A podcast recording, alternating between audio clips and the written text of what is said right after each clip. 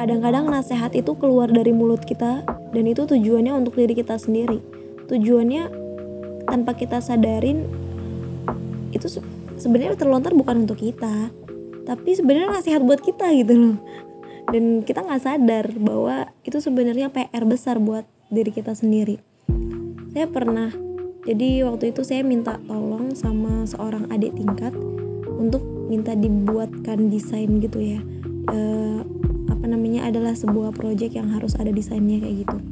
Kemudian dia bilang Mbak jangan berharap besar sama saya mbak. Saya tuh tidak sehebat mas ini. Saya tidak sehebat atau sepro mas itu gitu kan. Jadi dia membandingkan dirinya dengan dua mas-mas yang katanya dia pro atau hebat tadi. Terus aku spontan bilang kalau saya nggak mencari orang hebat dan saya nggak mencari orang pro. Yang saya cari adalah orang yang mau belajar orang yang mau berproses. Terus saya langsung kayak shock sendiri dengar kata-kata saya karena ini sebenarnya nasihat buat saya. Kalau nanti saya pesimis awas aja lo ya. Inget nih gitu. Ini kata-kata dari lu tuh. Ya kita butuh orang yang mau belajar kita butuh orang yang mau berproses bukan orang yang udah hebat. Orang yang udah hebat tuh dicari di dia kerja gitu. Kemarin aku ikut kayak model uh, apa namanya? Apa sih namanya? Aku lupa. Oh ya pelatihan daber Indonesia ya sharing-sharing doang sih bukan pelatihan pun aku jadi daber enggak. Nah terus salah satu apa manajer di bagian periklanannya itu bilang gini kalian kalau cuma mau belajar belajar ke studio nggak usah gitu ya. Kalau mau belajar belajar mendingan kalian kirimin aja dulu suara-suara kalian lewat email gitu. Kalau mau datang ke studio itu harus udah bisa gitu. Kita menerima orang-orang yang bisa langsung tag kita nggak punya waktu untuk ngurusin orang-orang yang baru mau belajar. Lama gitu kan. Nah ini dunia kerja kayak gitu nah kalau misalnya kita di organisasi nggak begitu gitu ya. Yang penting mau belajar mau berproses gitu ya. Jadi nggak ada lagi tuh pikiran-pikiran mbak aku itu bukan anak yang politik banget mbak. Aku nggak ngerti Eh, nggak uh, ngerti politik. Aku nggak suka baca buku gitu ya.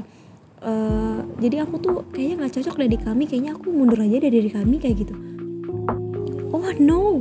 Kami itu bukan hanya sekadar tentang politik. Coba kamu lihat deh.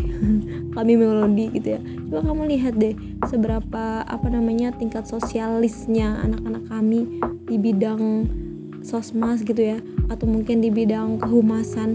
Karena memang politik ini nggak akan bisa menjalankan fungsinya tanpa kerja-kerja yang lain. Ya itulah berorganisasi kita butuh orang-orang yang banyak gitu ya. Maksudnya bukan hanya dari satu elemen aja jadi kamu jangan berkecil hati ya.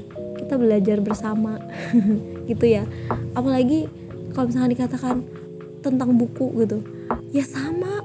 Saya juga nggak ngerti buku saya juga belum tahu banyak tentang buku. Tapi ya tapi kalau kita nggak pernah memutuskan untuk belajar lah sampai kapan nanti lama-lama malah kita yang jadi masalah bagi negara kita ini. Orang-orang yang nggak mau berproses untuk belajar.